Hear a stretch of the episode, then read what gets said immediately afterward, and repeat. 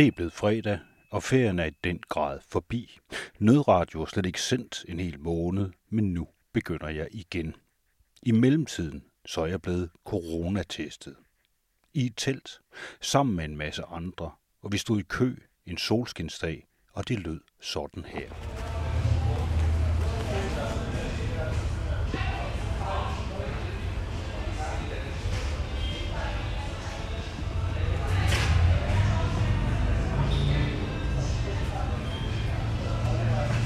I selve teltet, hvor det skete, den der coronatest, der stod der mennesker med masker, handsker og heldragter og dansede.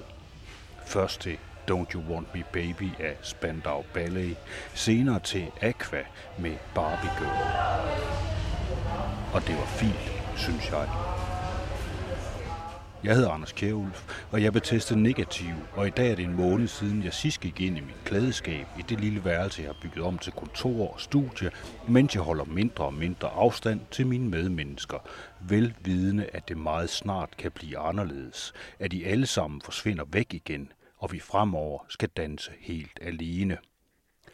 Hvis vi skal det, så kan man for eksempel hælde nogle batterier over i sin gamle transistorradio og lytte til Radio 208, der spiller syrerock og beatmusik og punk i en uendelighed. Du kan også høre dem på nettet, ligesom med nødradio her, men det er ikke pointen. Manden bag stationen, Stig Hartvig Nielsen, han har nemlig kortbølge- og mellembølgesendere. De står hvert deres sted, og i den her udgave af Nødradio, der er jeg taget med ud for at tjekke de her fysiske sendere. Nødradio er i dag nørdradio til ære for os derude, der godt kan lide, at der faktisk findes noget i æderen, noget, der står og syder.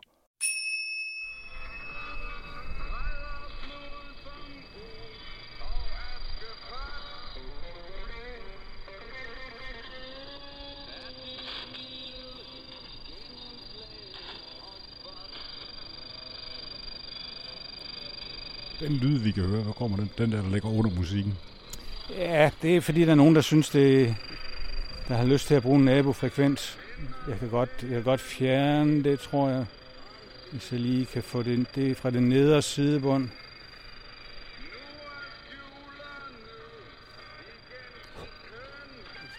Det er svært på en mobiltelefon. Omvendt er der den fordel ved, ved militære stationer, at øh, de kunne aldrig finde på at klage over, at de bliver forstyrret, altså, øh, øh, fordi så afslører de, at de er der. Øh, hvis de gør det, så gør de det indirekte ved at få nogle andre myndigheder til at gøre noget. Øh, og, øh, og de afslører så ikke, hvad det var, der, var, der lå der. Men det er klart, at, at østeuropæiske øh, militære signaler ville aldrig begynde at klage til en, en vesteuropæisk øh, regering, fordi så har man fået bekræftet, hvad det er, der ligger der. Det støj, vi kan høre, det er sandsynligvis noget østeuropæisk militær. Ja, det kunne være noget af det, vi hørte der. Det kan blandt andet være noget øh, fjernskrivning eller noget digital øh, trafik. Og, og øh, militæret har det jo sådan i alle lande, at, at hvis de har støj på en frekvens, så føler de normalt frihed til at bare lægge sig et andet sted. Men i et demokrati har de jo selvfølgelig øh, nogle regler, de følger, så de ikke forstyrrer øh, almindelige menneskers tv og radio. For så kommer de jo på forsiden af ekstrabladet eller et eller andet. Så, øh, men øh, jeg tror ikke, der er nogen, der tør klage til, til Putin om, hvis de har radioforstyrrelser fra militæret. Hvad står vi og kigger på? Vi står og kigger på en, øh, hvad hedder det, en radiosæt. Det er en dipol-antenne til øh, 49 meter båndet, som øh, vi bruger til Radio 208, der sender på 58,05 kHz med en knap 100 watt, og som kan høres på en god dag i det meste af Nordeuropa i hvert fald. Der er ingen grund til at være helt vildt specifik ved at tro på, hvor den befinder sig, men vi kan sige, at vi er på øre i hvert fald. Ikke? Altså, det er lidt herude omkring øh, i det industriområde. Ja. Ikke? Og det, øh, du har simpelthen tændt for den. Ja. 58 ja. Så den øh, burde jo selvfølgelig også gå rimelig godt igennem her. Men det, det kan man så også sige. Endda uden at tage antennen op. Bedre. Knirk, knirk. Der står senderen så. En øh, cirka 200 watt sender, til, øh, der er bygget i England til, til kortbølge.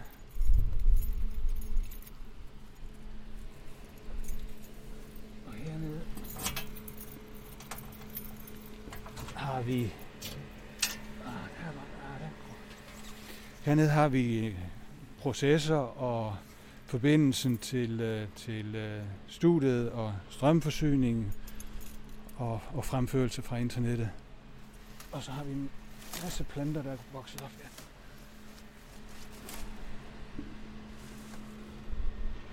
En god temperatur. Ja, den kan godt, øh, den kan godt holde nogle fugle. Ja, der er en blæser der.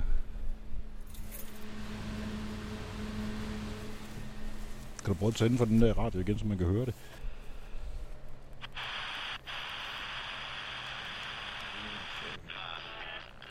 Hvad du for tæt på på en eller anden måde, det kan man nogle gange godt være udsat for. Man står i, du virkelig får ramt et, et nulpunkt. Der burde være masser af knald på. Sejten her er jo er rigtig god. Det er jo en ønskesejt, fordi det er jo gammel havbund. Og det vil sige, at øh, ledningsevnen i jorden her er, er perfekt. Så øh, ja, man kan roligt sige, Stig, du får forærende et, et, øh, rigtig godt afsæt. Ja. Så øh, jeg vil så ikke ligefrem påstå, at, at øh, miljøaffaldet her og tungmetaller vil ligefrem hjælper til, men at den gamle havbund, den er, den er jo øh, fantastisk god. Så øh, alle broadcaster ønsker jo at have et, sendeanlæg, øh, der er tæt ved vandet eller har gammel havbund. Ja. Så, øh, det her anlæg, der, hvordan, øh, hvor langt kan det her række? Det her? Hvor langt, langt væk kan man høre det? Jamen, det kommer jo an på øh, modtagerantennen og, og modtageren, men, men øh, det, der er forbavsende i dag, det er jo, at, at kortbølge med, med relativt lav effekt øh, Øh, kan række relativt langt det, det første hop, og måske også det andet hop. Øh, og det er jo fordi, øh, der er så få broadcaster i dag på kortbølge. Folk har jo glemt, hvad kortbølge i virkeligheden kan. Øh, jeg er sikker på, at hvis du spørger militæret, så ved de det stadigvæk. Ja, man, kan, man kan sige, at, at sådan op i midten af Norge og Sverige og så ned i, et godt stykke ned i Tyskland i, i dagtimerne, men øh, om aftenen, så ændrer udbredelsesforholdene sig en, en smule, og det betyder, så kan man høre det i, øh, i den sydlige del af Europa måske, og i den allernordligste del af Europa, i England også. Så det, det, det er lidt forskelligt afhængigt af, hvornår på, på dagen man, man, man prøver at stille ind. Hvad er det, man kan høre, hvis man tænder på det? Det er god gammel hippie- og rockmusik fra 60'erne, 70'erne og begyndelsen af 80'erne. Ja. Nu du sidder og vælger. ja.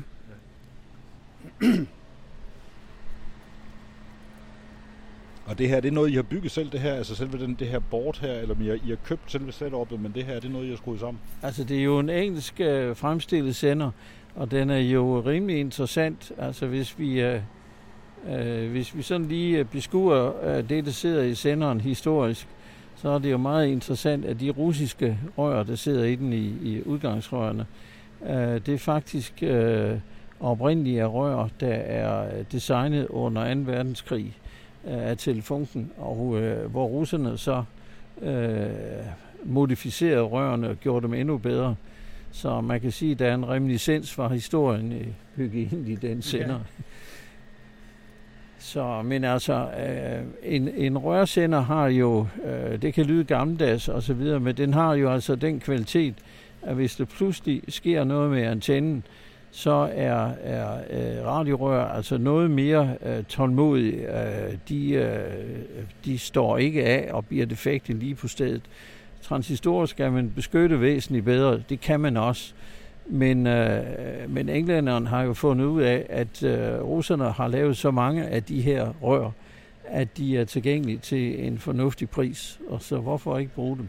Det, så jeg synes, det er, det er interessant. Han, han både har lavet en blanding af, af, af vesteuropæiske rør og så russiske rør. Normalt så vil man jo sige, de fleste vil sige, at altså radiorør, det er jo simpelthen så gammeldags, som det på nogen måde kan blive. Altså, vi har opfundet transistor, og vi har alt muligt ja. andet og sådan noget. Hvad skal vi med dem? Men altså, de har nogle kvaliteter i forhold til det her. Altså, man skal jo ikke, øh, man skal ikke morse for meget over radiorør. Øh, det MiG-23 øh, fly, der der stak af fra Sovjet og landede i Japan, øh, der morede man så vældig over i NATO i starten over, at der sad minirør i, øh, i kommunikationsanlægget, indtil det gik op for nogen.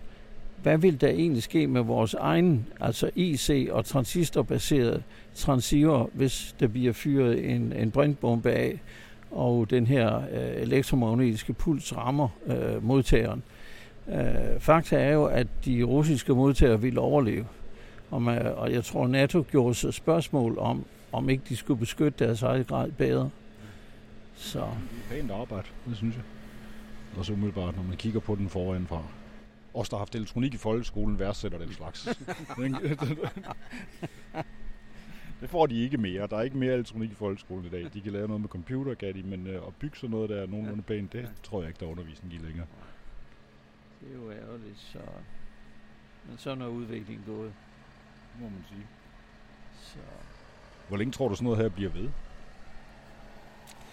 Jamen, øh, altså i kraft af, at, at øh, kortbølgebåndene er blevet mere tilgængelige, øh, fordi der ikke er, de ikke er overfyldte længere, så tror jeg egentlig, at det vil gå op for en del, at, at man kan dække øh, pæne store områder med, med relativt lav effekt.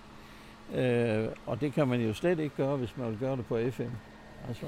Nej, man kan jo sige, at inden for de sidste 20-30 år, der er der rigtig mange eksperter, der har sagt, at jamen, kortbølgen er, er død, og der er ikke nogen, der lytter, og der er ikke nogen fremtid. Men og det kan man sige, at det måske har været en selvopfyldende profeti, fordi der er mange internationale radiofonier, der er lukket på grund af de øh, vurderinger der. Men der er jo altså stadigvæk folk, der lytter derude. Øh, hver eneste uge, der kommer der masser af breve og, og øh, beskeder fra folk, der lytter til, til udsendelserne, både på kortbølge og mellembølge. Så, så der er nogen derude, der lytter. Det er sikkert ikke mange, men, men der er altså nogen derude. Der er jo også et andet fænomen, det er i, i den tredje verden, øh, de steder, hvor man har et udemokratisk styre, eller får det pludselig, så er det jo øh, en rigtig god måde at, at få et frihedsbudskab ud øh, på og udnytte kortbølge, fordi øh, dels øh, kan man anbringe senderen et sted, hvor, hvor, øh, hvor det er svært for myndighederne at finde den, og, øh, og, og dels øh, kan man i dag med moderne teknologi jo, jo lave en programoverførsel, så det er yderst svært for, for myndighederne at finde ud af, hvor kommer programsignalet fra. I modsætning til internettet, som man jo bare kan slukke for, hvis man skulle have brug for det. Ja, det kan man. Så, fordi det er jo trods alt sådan, at, at hvis, hvis, hvis man befinder sig i et land, hvor, hvor der er behov for en alternativ stemme, øh, øh, som er uofficiel, øh, så er der jo også masser af lyttere, fordi øh, folk vil jo gerne høre noget andet end, end den maskerede sandhed, de får via regeringsstationen måske at vi øh, går ind i en æra af piratradioer på et eller andet tidspunkt. Det kunne jo være smukt. Vi er jo nogen, der har puslet med tanken oven på Radio 24 stød om at knalde et eller andet op et eller andet sted, som man bare sådan kunne stå og sende fra. Det kunne da være sjovt. Ja, sådan noget, et lille båd et eller andet sted. Ikke? Det kunne da være sjovt. Så jeg kunne jo forestille mig, at englænderen der kunne, kunne få nogle kunder i, i den tredje verden, som han ikke sådan uh, vil sætte på en liste på sin hjemmeside. Ja, det kunne man godt forestille sig. Ja jo tilføje det med, med, med øh, altså under Franco-styret havde man for eksempel Radio España Independiente, som øh, jo kæmpede for, for frihed og, og at Franco skulle gå af, og, og, og man havde også en radio, der hed i Baskerland, der hed Radio Escarte. Jeg har, jeg har hørt begge to i 70'erne. Øh, og det, det, det, det var selvfølgelig også en protest, og det var jo så i Europa, ikke? men det, der var så nogle andre forhold, der gjorde sig gældende der så de sendte også over sådan noget? Der. De sendte, øh, jeg ved ikke hvordan, de sendte på kortbølge i hvert fald. Så. Jeg, hvor, jeg, altså, der, er jo, der er jo en historie fra, fra Filippinerne, der, der måske kunne gentage sig med øh, præsident Duterte, er jo mere og mere forhat, ikke? Og øh, jeg tror mange jurister i, i Filippinerne, også udenfor, så gerne, at han, når han stopper, at han bliver arresteret omgående og bragt til Haag så man kan køre en retssag imod ham. Så, øh, men i Filippinerne er der jo en, en øh, faktisk en historie fra 2. verdenskrig, hvor en af de meget, meget kendte journalister, øh, øh, Romulo, øh, som fik øh, Pulitzerprisen øh, senere, han rent faktisk øh, broadcastede fra en øh, fæstningsø i Manila-bugten, da øh, Japan faktisk havde invaderet øh, stort set hele Filippinerne. Og, øh, og det, det han sagde, det, øh, det var på engelsk, broadcasting from somewhere in the Philippines. Og de pejlede jo og, og bombede øen og så videre, men, øh, men øh, hvem lyttede folk til? De lyttede jo ikke til regeringsstationen, de lyttede til Romulo. Jeg mener jo altid, det der er interessant ved, ved, ved alt broadcast, det er jo, at det er jo en til mange. Ja, øh, og ja. det vil sige, at når jeg sidder og modtager et signal, så er der ikke nogen, der kan se, hvilket signal jeg modtager. Nej. Øh, de kan bare se, at jeg har en radio tændt. De kan ikke se, hvad jeg modtager og kører ned. Hvorimod alt, hvad der kommer ud af internettet, det er muligvis også en til mange, men ja. det er stadigvæk, hver eneste gang jeg tuner ind på en internetkanal, så er der nogen, der kan se, hvad det er, jeg hører. Ja. ja. Og måske kan danne et mønster over, hvad du lytter til. Ah, du lytter til de forkerte stationer. Det er ikke godt, det der. Der har må vi holde lidt øje med. I virkeligheden så er der jo også der er den anden del af det, som er det, som øh, dem vi har i Danmark nu, der hedder Podimo for eksempel. Det, de har tænkt sig at lave, det er jo en øh, form for netop tracking af folk, altså hvor man skal lave sådan nogle kundemønstre over, hvad det er, de lytter til, og hvornår de gør det, og det er jo så oplysninger, man kan sælge videre, altså hvor man bruger det til at markedsføre på øh, i den her sammenhæng, fordi man kan få et billede af, hvad for nogle folk det er. Og det, det kan man jo ikke med radio, og det er der sikkert nogen, der synes er ærgerligt. Jeg synes, det er lige præcis det, der er det gode ved rigtig broadcast. Kan du se forskellen? Nej. Prøv lige igen og skrue ned. Ja, der er så meget fading, så det er ikke til at vurdere. Men øh, den... Hvad sker der, når du tæller på den? Altså, vi, vi har en lille fejl øh, på, med den øh, shunt, der, der giver spænding til instrumentet her. Øh, men, men det har intet med øh, effekten at gøre. Det er, det er kun rent visuelt. Så, øh, ja, og lige nogle gange lægge mærke til, så, så dykker den ned til 0, men øh, det betyder altså ikke, at senderen ikke kører. Er, senderen er i fuldt i luften. Det er, det er simpelthen en, enten et potentiometer i bunden af den, eller en, en ledningsforbindelse, der, der er dårlig. Men øh, påvirker ikke senderen overhovedet. Så, så nu skal vi jo til at prøve at måle effekten, og, øh, og der lukker vi jo så senderen ned, altså selvfølgelig fordi øh, du kan se her, der står HV øh, High Voltage, så jeg skal ikke have fingrene i, i 800-900 volt der, det er ikke så sjovt. Så, øh, men altså folk som, som øh, englænderen, der har lavet den her sender, øh, han har jo også arbejdet med højspænding øh, stort set hele sit liv. Ja. Fordi øh, det undgår man jo ikke. Altså store transistorsender har man jo stadigvæk øh, 400 volt til, altså tre faser og 0. Ikke? Og øh, på store sendestationer, hvor han har arbejdet, der har de garanteret også, ligesom som jeg har arbejdet med, haft øh, 10 kV ind i bygningen, altså tre faser, hvor man mellem to faser har 10-11 kV AC.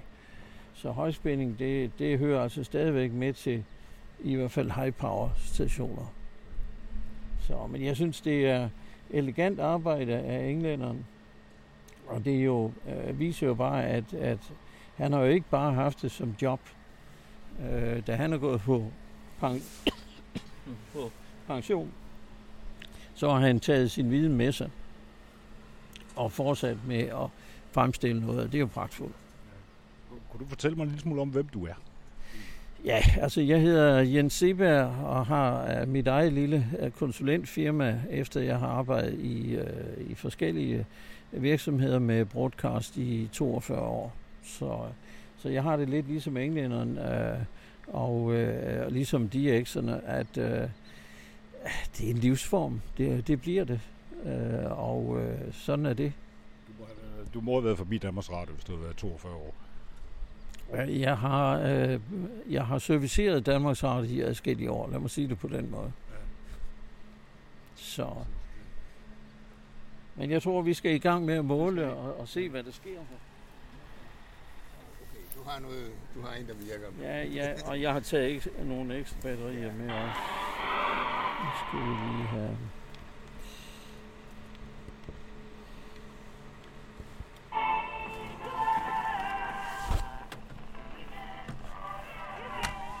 Skal vi lige have sat den på local. Vi står midt i nærfeltet her. Der er ikke så meget, det er ikke så over. Stig, du må kommentere programmet her. det taler for sig selv. det er musik.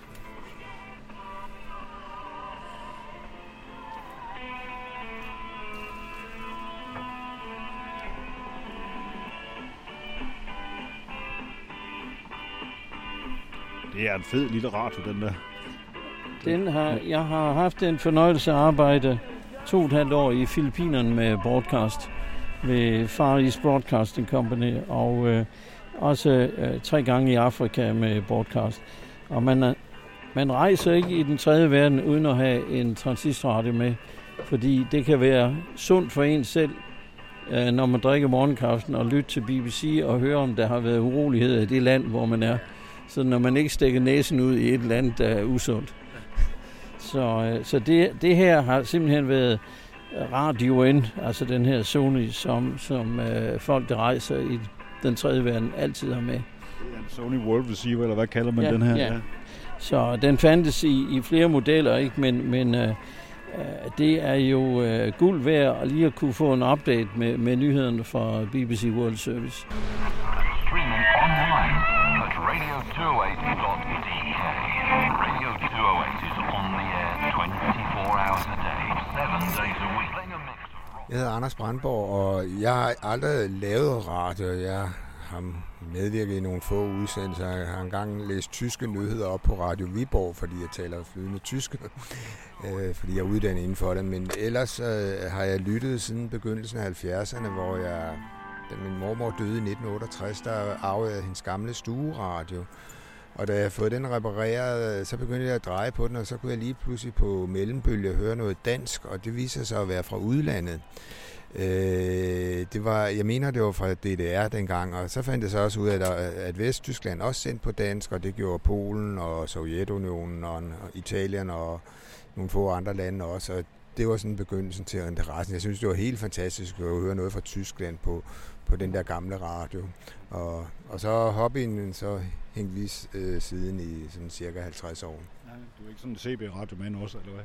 Nej, det, det, jeg, kun, jeg kun lytter, og, og meget, meget har været sådan, hvad kan man sige, programlytning for at lære noget om, om andre lande, og selvfølgelig synes jeg også, det var fantastisk at kunne sidde der, derhjemme i København, eller hvor jeg nu boede på det tidspunkt, og høre Australien eller New Zealand på kortbølge. Det synes jeg var helt utroligt. Altså.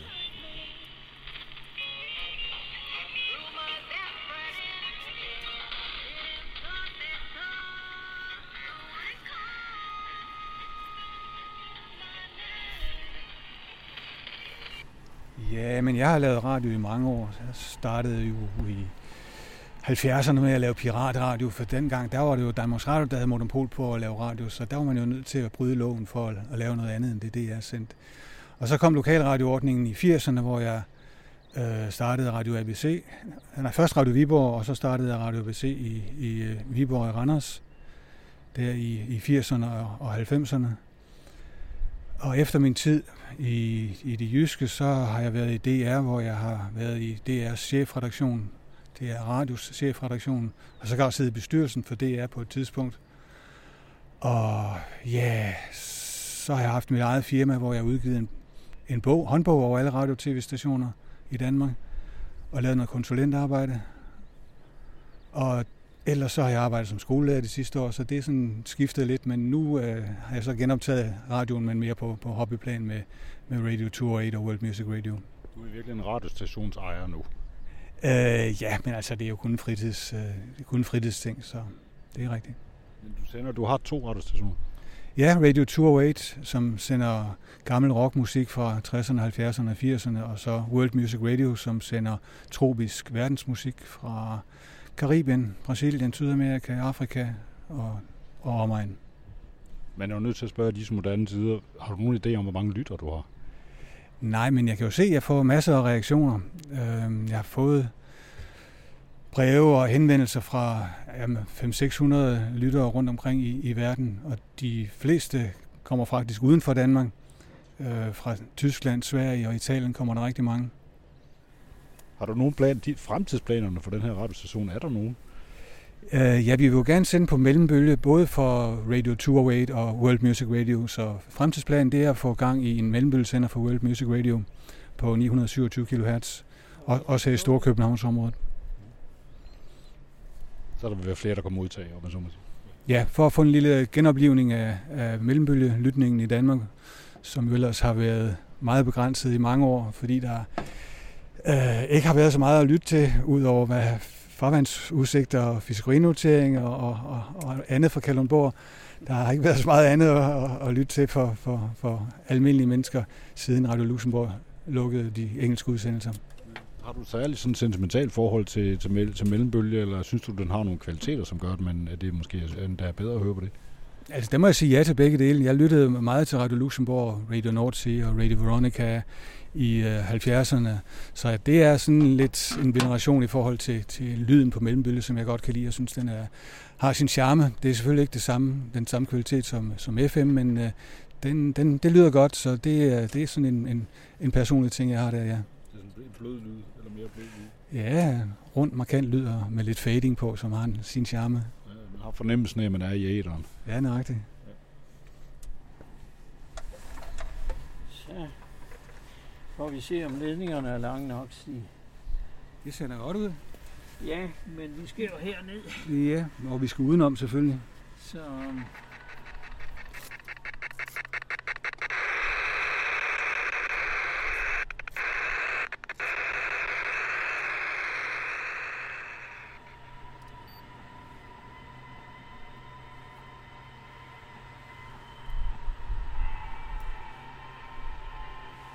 Kigger du på en SD, SDR-modtager?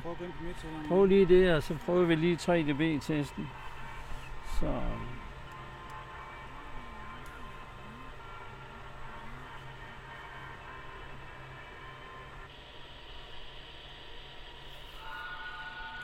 Ja, så er klar. Så er vi klar.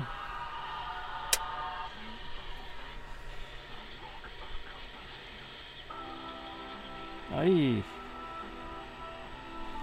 skønne Hammond nummer. Jeg har et gammelt Hammond Aarhus derhjemme, øh, som har tilhørt DR fra øh, Svend Nikolajsens orkester. Altså det, det er rigtig uh, mekaniske. Og den, du på det? Den, ja, det gør jeg faktisk. Uh, det interessante er, det der setup, det kan man, det kan man se. Der er jo cirka halvanden million muligheder for et Hammond og du kan finde den nøjagtige, den har været indstillet til, og så kan man indstille, og spiller man i samme toneånd, så har du fuldstændig samme lyd. Altså det, det er, Hammond har haft det der, den kvalitet gennem 40 år, at indstillingerne er ens. Nå, Stig, hvad siger du til det? 5,5 streg. 5,5. Og hvad siger den nu? En lille bitte, bitte smule over 6. Ja, men det passer meget godt med de 3 dB. Ja.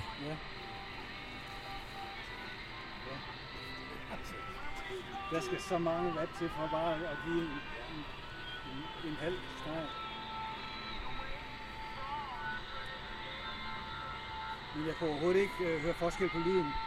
Nej, og derfor tror jeg ikke, vi skal nødvendigvis presse den for hårdt her. Jeg har givet den lidt mere og den er pænt modelleret. Så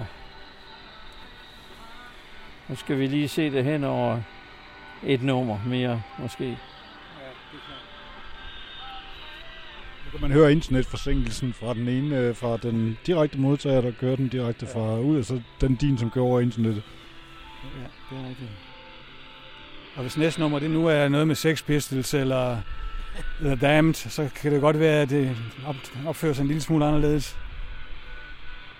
Laver du selv playlisterne? Ja. Og det er musik, du godt kan, kan lide, men du har, du har virkelig lavet dit eget soundtrack, der bare kører non-stop. Øh, nej, jeg kan også godt lide masser af andre slags musik, også andre genrer, men øh, inden for, for oldies-kategorien. Men den her genre øh, med hippie-musik og beat-musik og alternativ musik, den er valgt bevidst, fordi der er mange andre, der sender øh, den mere bløde popmusik fra 60'erne, 70'erne, 80'erne, begyndelsen af 80'erne. Det her, det skal være sådan den lidt, lidt, lidt mere alternativ, lidt mere hård, lidt mere rocket. Og det kan du også du kan godt selv lide det. Ja, ja, selvfølgelig. Men jeg kan altså også godt lide det andet. Så man kan godt rende ind i Sex Pistols på din kanal. Det kan jeg love det for. Og også Lost Kids og Sots og nogle af de andre gamle punkrockere. Har du selv? Du har ikke selv været punker? Nej, nej, nej, nej, dog ikke. Nej. Men jeg var med på musikken.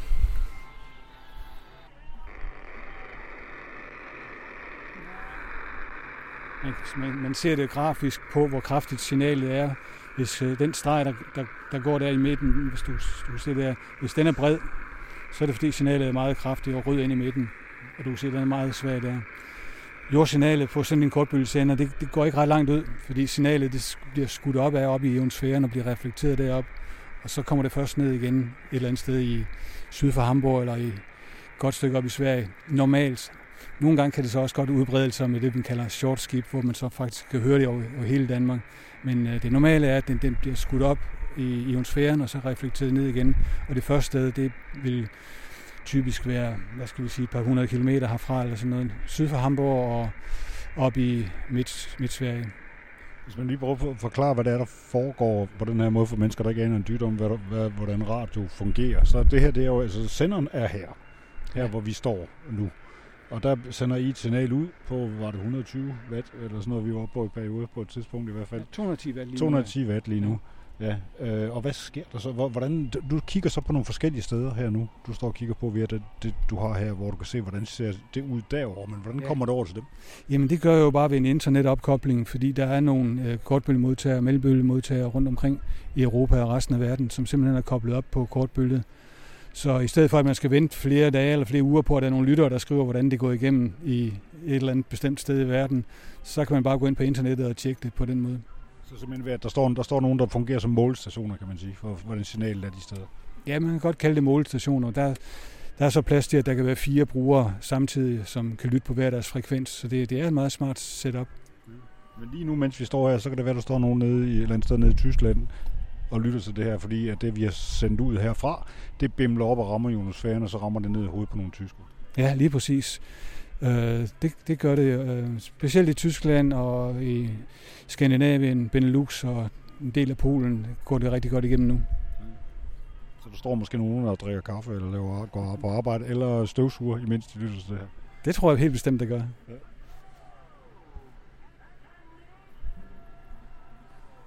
Og så får de lidt dansk hippie-musik, de kan hygge sig med. Jeg spiller cirka to danske sange i, i timen. Øh, sådan, ikke, ikke mere, fordi man skal tage hensyn til de udenlandske lyttere, og alligevel så skal der også være noget på dansk for, for, for de lyttere, der specielt lytter på mellembølge.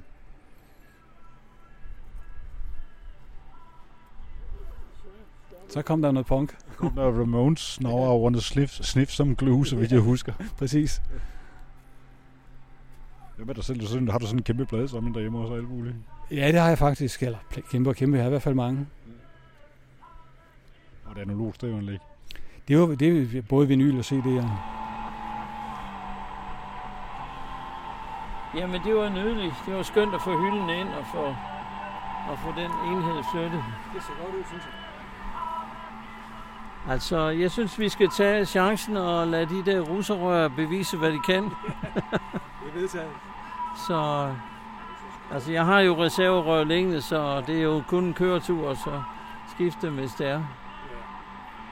Altså, skal alligevel hoppe på et tidspunkt sætte bearingen på, så det kan være, det kommer til at passe sammen. Så kunne det uh, passe, ja. ja. Så uh, altså hvis uh, russerne vidste, hvad de rør blev brugt til i øjeblikket, så må det ikke det, det vil bekymre Putin en anelse. jeg tror, de er ældre end Putins tid i Rusland. Ja. ja, så er det endnu værre jo. Ja.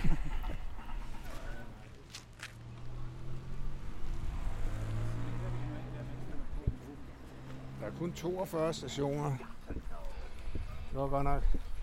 Lidt tyndt. Ja, det er lidt tyndt. Altså, jeg tror, jeg kan høre omkring nogen 60 derhjemme i København. Den tager så også BBC World Services. Og det er fedt. Og så alle regionale P4, hvis man nu skal høre noget fra et andet sted. Det er også Radio Køge, den kan jeg faktisk... Radio Vinyl. Det ved jeg ikke, hvem det er. Og så øh, Sveriges Radio på finsk. Det er kun på noget tidspunkt af døgnet, det gør det. Ja, det er Svensk P2. Ja, det kan jeg godt lige forstå. De spiller fremragende klassisk musik om formiddagen. Og så går de over på sådan noget finsk regionalprogram nemlig efter det. Og så selvfølgelig Knattekanalen. Jeg ved ikke, hvad det er.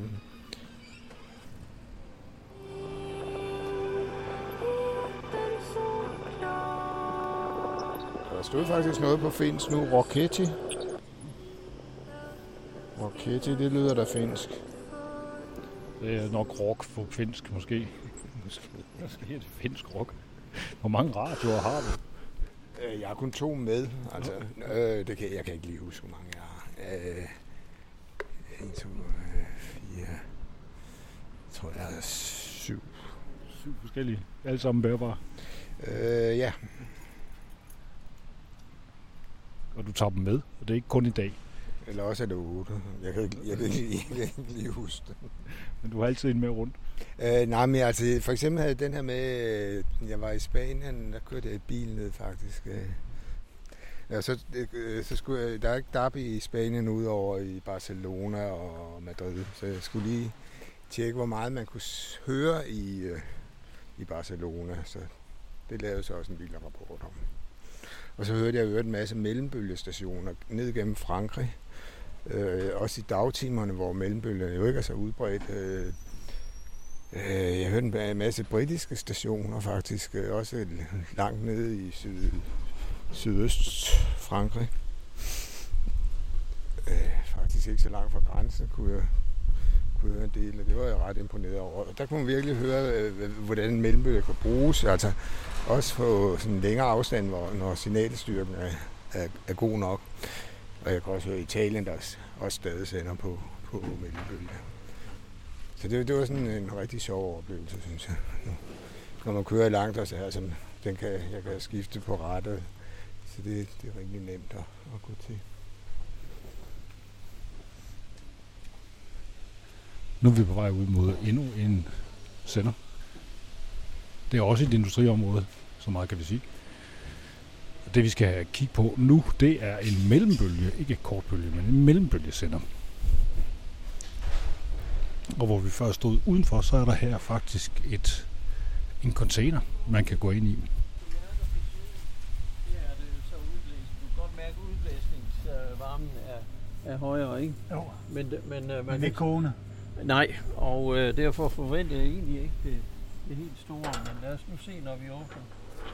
Så øh.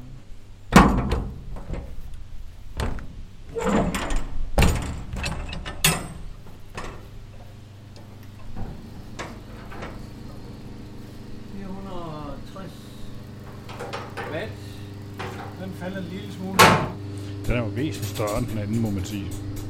Den er væsentligt større end den anden. Den fylder jo som et, det er jo som en øh, telefonboks eller sådan noget. Lidt større. Det er øh, som en stor telefonboks her. Den er en gammel sender fra USA, købt fra Canada. Senderen er fra 1974, så jeg har købt den for 15 år siden eller sådan noget. Så det er en gammel svend, men det er en arbejdshest. Den står bare og, og kører. Den er pæn. På sin egen måde, det er også meget rundt i Nuuk og var ansat ved Grønlands Televæsen. Så, øhm, så jeg, jeg synes, der, jeg har et eller andet tilhørsforhold til årstallet og sende.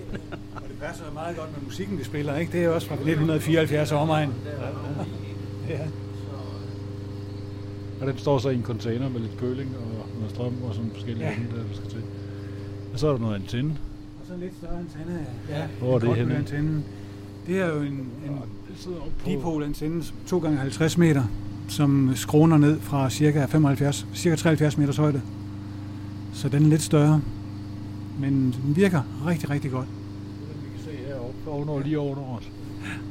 Den går fra en høj skorsten og ned. Ja.